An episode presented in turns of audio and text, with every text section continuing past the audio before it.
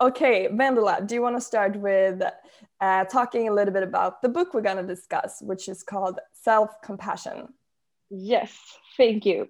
So, it feels like you're the teacher, and I'm like, yeah, I've read the book. no, this is so exciting. yeah, but I thought, yeah, maybe we can share about author first because I didn't know much about author before I started uh, reading the book. But uh, so the author is called Kristin Neff, and she's an associate professor, and she's actually one of like she's been credited for doing the first academic studies into this concept of self-compassion, which is also the title of the book. So, in addition to doing all this academic work about this concept, she has written the book and she is also the co founder of non-profit center for mindful self compassion. I just love those two words, like mindful self compassion. Love that combination. Um, so, she's really, really impressive. And I love that she also, we'll talk about more about the book, but I love that she in the book not only like refers to her academic studies, but also a lot of personal stories and a lot of struggles in her own life. So I think that balances it perfectly. So so yeah, that's short about the author. So uh, Kima, do you want to share about the book something, either like an opinion or just briefly yes. about the book? Yes, definitely. So um, I knew that you love the book. so that was like my starting point when I started to read it.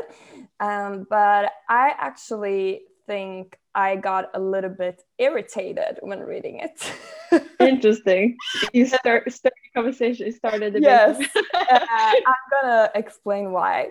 Yeah. Because um, I I had a lot of questions popping up pretty quickly when I read the book, and that was about the definition of certain words. So, uh, for instance, um, I started to think about what is self compassion. What is the definition of that?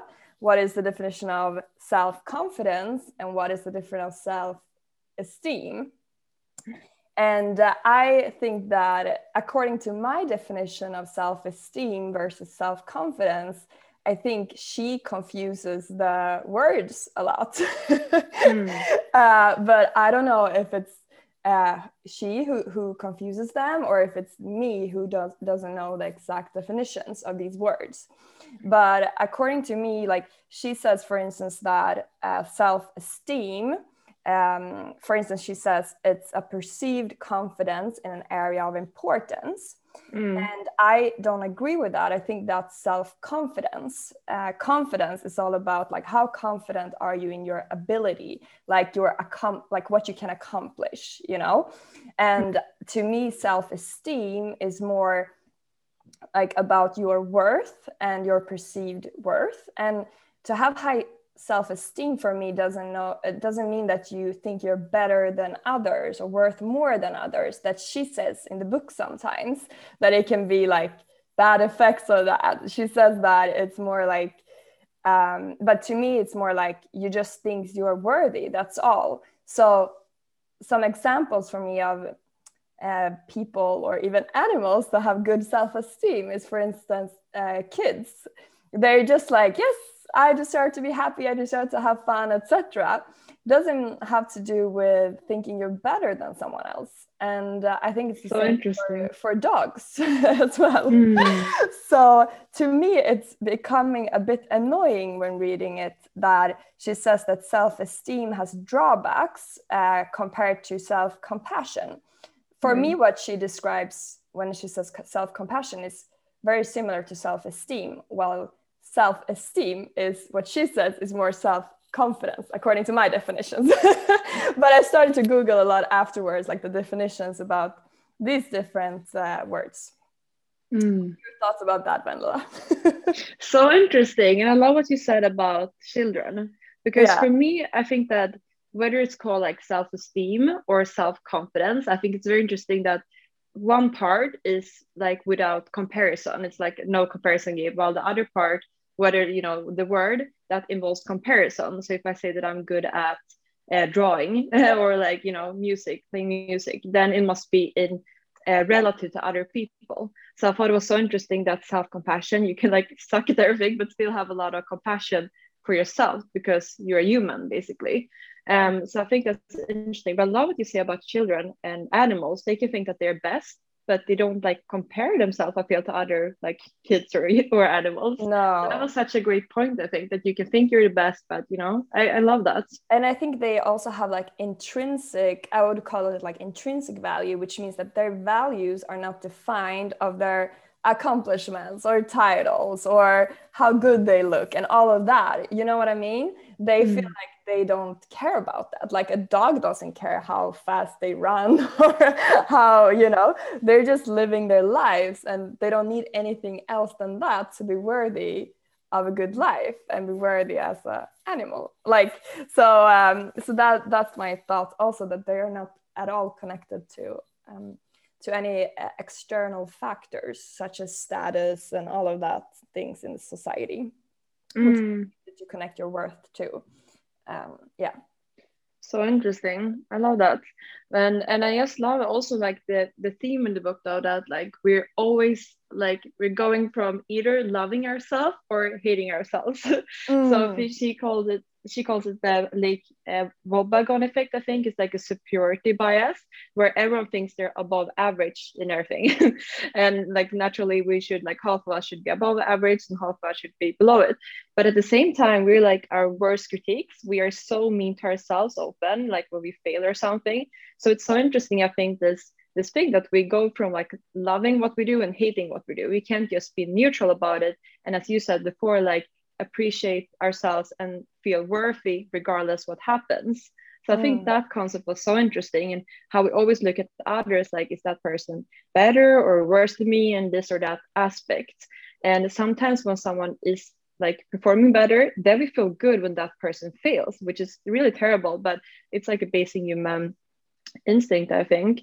And like some it feels good in the moment when you know your competitor does worse but she says that only connectedness i love this only connectedness can lead to fulfillment and comparison will only lead to isolation.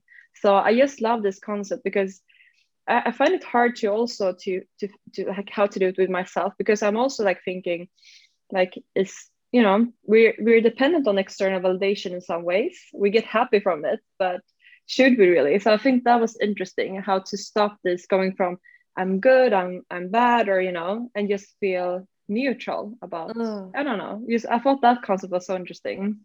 Do you have any thoughts about that? Yeah, I love that. I mean, that's super interesting to be like.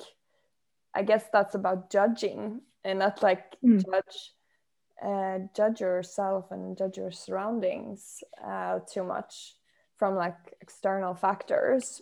Um, exactly. And that was what she said also like to to leave this judgmental state that we're always in.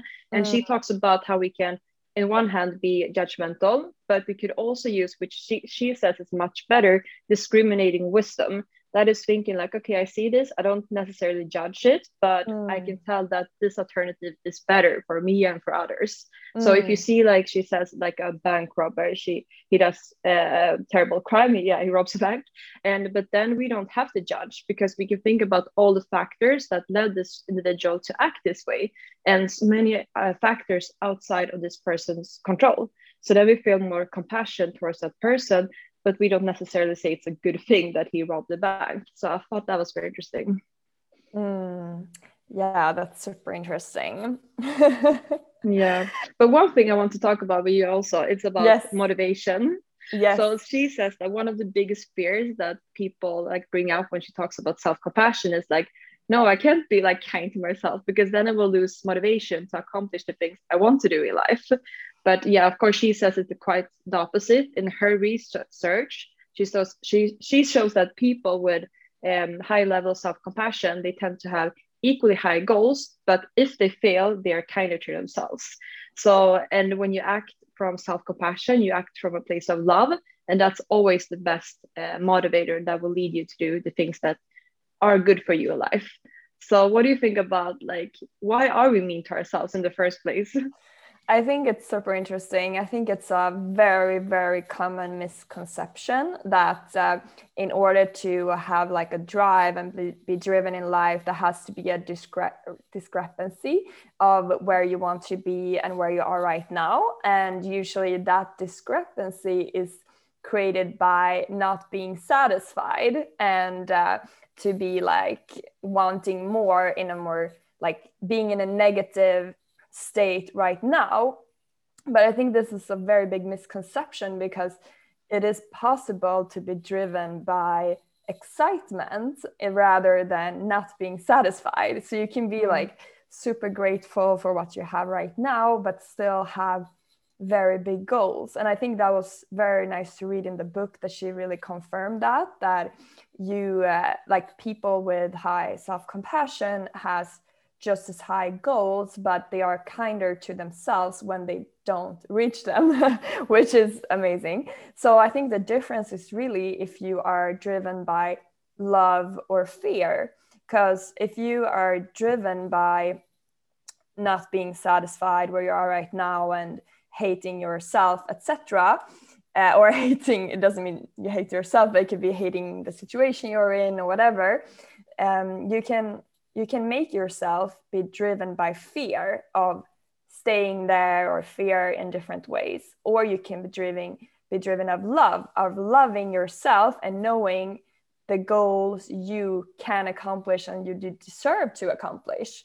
So I just think it's just you can be just as driven but in these two scenarios but the feeling you will have in the journey will be like the complete opposites and also when you actually accomplish the goals i think will feel very different uh, depending on like what what fuel you use to get there I what love that. It's so good. And it reminds me of a quote that we saw recently. It was like, uh, love where I am or love what I am, excited to where I'm going or something like that. And I thought that was so good. I'm like, I love that duality that they can exist simultaneously.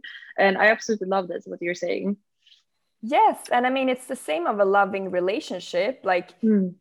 you'll be excited for things that would happen in the future with your friend or your partner etc i mean and that's because you're like excited of spending good times with them and excited of good for future good feelings. And it's the same with your relationship with yourself. If you're your own best friend, you will be excited to create a good life for yourself. But if you're your, your worst enemy, like the voice inside your head, head or your inner roomie, you will like be driven by, oh, I don't want this anymore. Like that kind of feeling, like you're in a bad relationship. you will be mm-hmm. driven by that. So you can really see that your relationship um, as the same as with a friend or something. I love that. And it's like with parenting as well, like mm. you wouldn't hate the child that it can't walk right now. Yeah. you know, it will walk in the future. Oh my God, I hate this. But you know, you appreciate the the the right now, the present moment, but you're also excited for the future, of course. So that yeah. mixes with yourself too. That is so good. I love that. But but another thing around fear I thought was very interesting in the book was when they brought up that a lot of people are afraid to uh, to practice self-compassion because then they have a fear that because it's kind of a defend, defense mechanism that uh, you want to criticize yourself before anyone else does it. So you're afraid of maybe being embarrassed that if you don't criticize yourself first and saying like i'm not good at this and i'm never um, going to be able to do this etc that it will come from someone else. So that's why you use it as a, like a defensive mechanism to say like yeah yeah but i mean this is nothing or whatever. So not someone else says that to you. So that that's why it can be scary to let go of that guard and that defense you have built up and let the love come from you and maybe criticism will come from others that you're not prepared for and uh, i think that was very interesting what do you think about that Vella?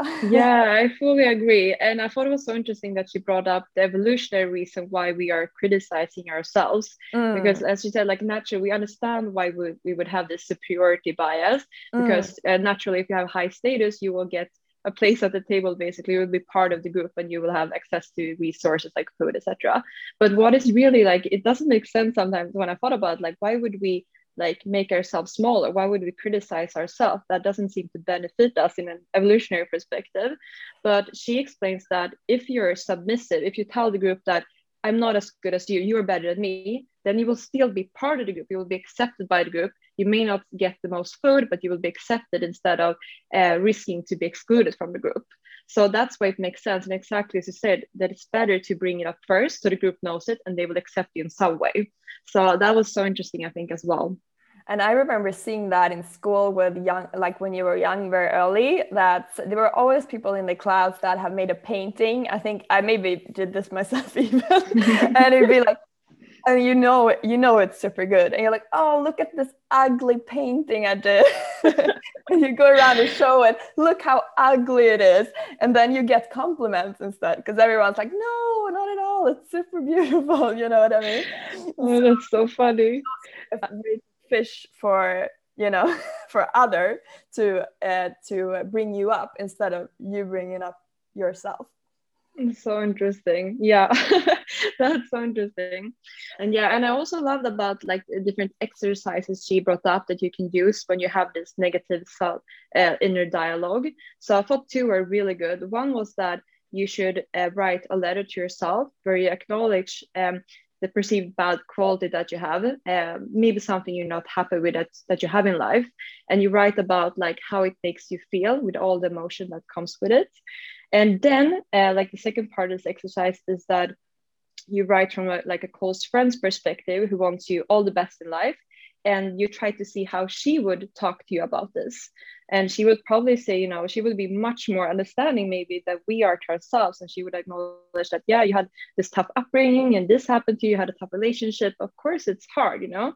So that i thought that was good like an alternative voice that you can use.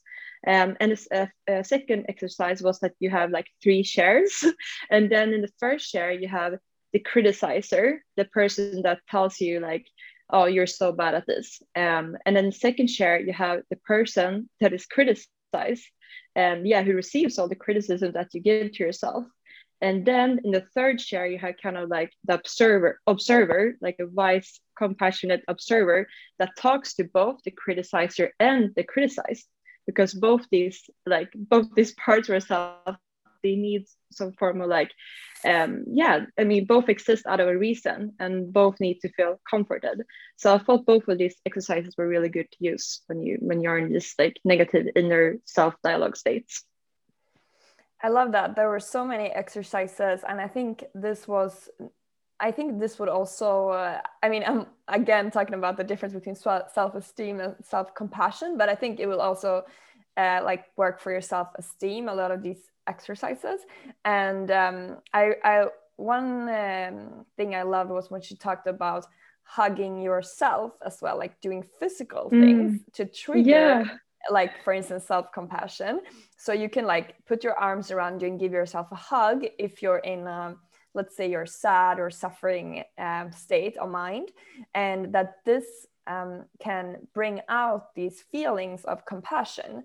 And uh, I thought I had, um, after I read this, was that probably this is very good also in yoga. A lot of time they say that, like give yourself a big hug, like when you're laying down, and thank yourself for taking this time for yoga, etc. So I think yoga do a lot of these physical exercises you can use to give yourself compassion and love and kindness. So um, I really believe yoga is a great way to practice as well. I love that. That's so true. And that it is so interesting what you said that it releases like oxytocin, which is the hormone, in the same mm. way as someone else else's touches you. That was super interesting. And I love she sometime in the book she explained self-compassion as like a cozy blanket that you can put on yourself. And I just it really stuck with me. I love that. and also yeah. she brings up like different mantras that you can use if you're in a state like something happens, you did a mistake that you usually like blame yourself for. And then you can have a mantra that you repeat yourself, which will um, help you in the situation. And her specific mantra, you can like switch it switch it, she said. But this was like, first, uh, this is a moment of suffering. So acknowledge that you are suffering right now. And next step is suffering is part of life, like perfection doesn't exist. And C, may I be kind to myself in this moment.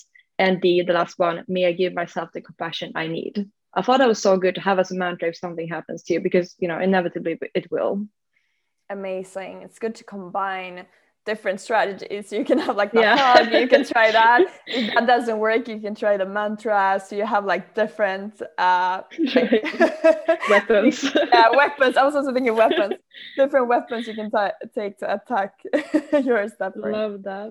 But I want to deep dive into uh, deep dive. Yeah, we can yeah uh, bring up a new topic uh, mm-hmm. within this book. So that is um, because I think this is so interesting. We have talked about this so much, Camilla, about like we talked about why some people prioritize maybe physical training so much but not mm. mental training mm. and we talked about maybe it's because like mental training is kind of invisible that you know you think like why do this people won't notice it and you know yeah. why yeah really why bother um but i thought she she talked a lot about um how your relationships will be improved when you practice like self-compassion self-love mm. and uh, one thing she brought up was um is called self-verification theory and that means that we seek out relationships and partners who confirm our existing beliefs about ourselves. So if we think we're suck, we will seek out partners who confirm that. And that's just terrible if it's in a negative way, but yeah, really good if it's in a positive way. So what do you think about how our relationships are affected by our like relationship with ourselves? Yeah, I mean, I think it's um it's like one of the biggest factors to have a good relationship is to to to develop yourself because it has so many spillover effects when you're with another person like all the self-criticism or self-love that will spill over in your conversations in your interaction with another person definitely. So i think it's very clear when you meet another person you can kind of tell if they have uh, done some personal development or not um, mm. because of uh, you can like tell if there is a lot of self-criticism or self-love i would say. Uh, so mm. i think you might think it's invisible but it's actually very clear. Yeah exactly. uh, but what do you think on that? Yeah i fully agree. And it's i think it's so interesting that if we love ourselves more we're less dependent on the love for others. Doesn't mean that we would seek partners to show us l- less love but it's just an interesting thought. And i think that yeah to really be mindful about uh, our thoughts and behaviors i think that will improve our relationship so much. So that's just a nice like spillover effect. Like besides being happier ourselves we will have so much happier relationships. Uh, i just love that yes because i think that a lot of people have triggers that are like sensitive yeah. to you like maybe something you feel bad about yourself about. So that's like a triggering like a thorn. And if another person touches that it might lead to a fight because it's already sensitive or triggering for you. So if you can yourself um, work on having less of those triggering uh, things and like feelings because you can maybe have compassion for yourself and self-love then it will be easier to avoid conflicts i think with other people yeah, for sure, for sure. I love that. And it's so interesting also the difference in self compassion between men and women because she yeah. brought that aspect up as well. And yeah. she she said uh, said that women in general we show less self compassion, we have less compassion for ourselves, mm. but we are at the same time more compassionate towards others. Yes. so it's like a big difference there. Uh, so I thought that was so interesting and yeah i i don't like that. I don't like that at all but i can see it very clearly in society yeah. though that this is true and mm. she also described how it changes with age. So like especially for body image mm. and appearance that when women grow older it changes but not for men. So it's very evident that it is not equal in society the pressure on body image and appearance for women and men. I mean that's pretty obvious i guess but um, but it's sad. Yeah exactly. And it's part of like being woman that we should always be there for others but we are not yeah. taught that you know how to to be there for ourselves so I yeah. thought it was great that she brought that up because I think it's so important, really, to that we're there for ourselves as yeah. well. Yeah. Yeah. I love that. Definitely. And it's also interesting that she's talked about when you're more self-compassionate, uh, compassionate, you will also show more compassionate compassion towards others. So it's not like you know zero sum game, but actually when you increase your self-compassion, you will be kinder towards others. So mm. it's always good to be to be the kindest yes. version to yourself.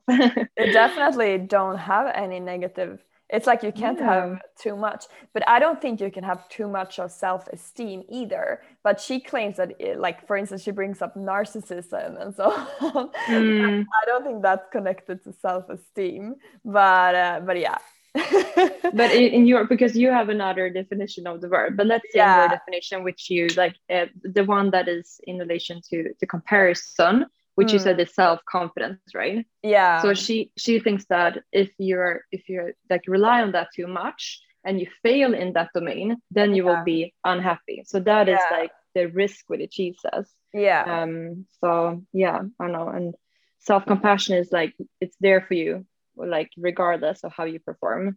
So, yeah. mm, but it seems yeah. like when i google it that self-compassion is like she has pretty much came up with this concept yeah so all the definitions etc are from her, this book so yeah exactly it doesn't have exactly. other sources so yeah i hope she's I, a trustworthy source yeah and i googled it and i read that she had like it's composed of three main elements or like perspective. Yeah. So it's self kindness, common humanity, and mindfulness. Mm. So it's kind of an interesting combo there, I think. But yeah, that is a very interesting concept. yeah. Sure. So, what are your thoughts about the book? What is your grade? now we're judging um, the book. uh, I think that uh, because I am raised in a way that I think I had um, good parenting that made me build up a good self esteem from a pretty young age. I don't personally um, relate to a lot of the self criticism, uh, which I'm very, very lucky and blessed for. So, but I can really understand how much it can help a lot of people in the world. So, I definitely think it was very practical, which I loved. A uh, very lo- lot of practical um, exercises, etc. Um, so yeah, I would rate it maybe like a seven out of ten or something like that. Amazing. It was definitely an interesting read, and I, I, can also say one quote I loved from it was, uh, "Does your worth comes from being special or from being human?" Mm. And I really love that because um, sometimes I think society tells we need to be so special, like we need to be like top in this top in that top etc but i think even from just being normal like everyone like it's you are either above or under average usually like a lot of areas of your life. You can still be like love yourself you know what i mean? Mm. you don't have to be special. Uh, or you can also argue that everyone is special you know but um but yeah i really like that quote. It kind of makes you think a little bit.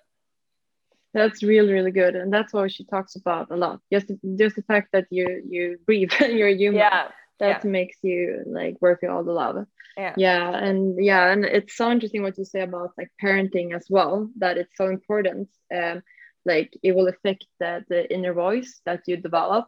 So yeah i think that's it's so interesting so powerful. And um and yeah i think that like i think it's so interesting to she talks about that we should study the voice that comes up when like we do something wrong. mm-hmm. And like the whole concept that like we think that everything should go smooth and it be perfect and we should never make a mistake like that concept is just really a, a, like it's it's not real so mm. for me i thought it was so interesting that because sometimes i think i strive too much for uh, too, too much for uh, perfectionism mm. that i mm. don't want to do something you know awkward or you know whatever yes. and after reading this book, whenever something like that happens, I'm like, it should be not perfect, you know? Mm. And I also I become much more mindful about how I talk to myself. And I just love the thought of like, you know, the blankets. I really yes. put them on me and be like, this is perfect. Like you think uh, this about yourself now. You think this was an embarrassing mistake, but it's not, you know, like that kind of like the kind voice. I really yes. like that so that has really stuck with me and just make me happier. So yeah i really like the book. And i think she has like a, a nice voice and soothing yeah. voice really. So yeah i thought it was a really nice read. Because this was really like can give you so many practical examples of how the voice can sound like. Because a lot of people i mean you can say like yeah it's good to increase your self-esteem or it's good to increase your self-compassion but there's not a lot of places where you get like actually to hear how does a voice a kind voice sound, sound like to yourself. But in this exercise she says like oh yeah that that's okay. You're suffering right now but that's okay. That happens in life. You know what i mean? So exactly. it's very good to hear examples of how you can talk to yourself. Uh, exactly. so amazing with the book that it's really like uh, how do you say like cut it down into pieces. What does self-esteem or self-compassion consist of and like exactly. how does that voice sound like? Yeah. Yeah and i thought it was so beautiful that she has developed this voice for herself and yeah. when with her child now her son uh, who was uh, autistic and had this like tantrum sometimes when he gets really mad how she could use that like voice the dialogue to him now. And like she talks about the importance of never suppressing emotions to really acknowledge them. So uses this method like yeah i can really understand how you're feeling blah blah but then she doesn't necessarily like delve into this negative emotion so she's like do you want to be sad or do you want to yes, be happy right now? I thought, and then it came like full circle when he said that to her one time when she was like being mad in traffic or something. So that was just so beautiful how we can it starts with ourselves and then we can spread that to others. So i just love that. And, and i love that like do you want to be happy and you, and you want to be sad? And she described that sometimes he answers sad and sometimes he, yeah. he answers happy. Because sometimes you can feel also that if you have if you get that immediately like but do you want to be happy or sad? And you mean like you, you can choose to be happy right now? It becomes like you almost become stressed i think to become happy. Exactly. Uh, but i think it's good to acknowledge that you have the choice. But i also think it's good to acknowledge that it's okay to sometimes take some time to suffer take some time to be sad and that's okay too. Exactly. so i yeah i really love that part of the book when she asked that question. Yeah Okay, amazing. What, what so think would you give it? Oh, the great. Um, I would give it. Um, I like the first half of the book a lot. Um, like two thirds, and then like the last third, I it didn't resonate as much with me. So I would say like in total like eight out of ten. I would say. Uh, I thought I it was really good. higher. I'm a very what's it called? I'm a, no, no, but I really liked it. Um, but there were some parts that I thought wasn't that relevant to the topic. Um, mm. but in general, I really liked it, and it's uh, really affected me. So yeah, maybe a nine then. I shouldn't be that. She's pretty great. Let's give it a nine out of ten. All right. So, yeah. yeah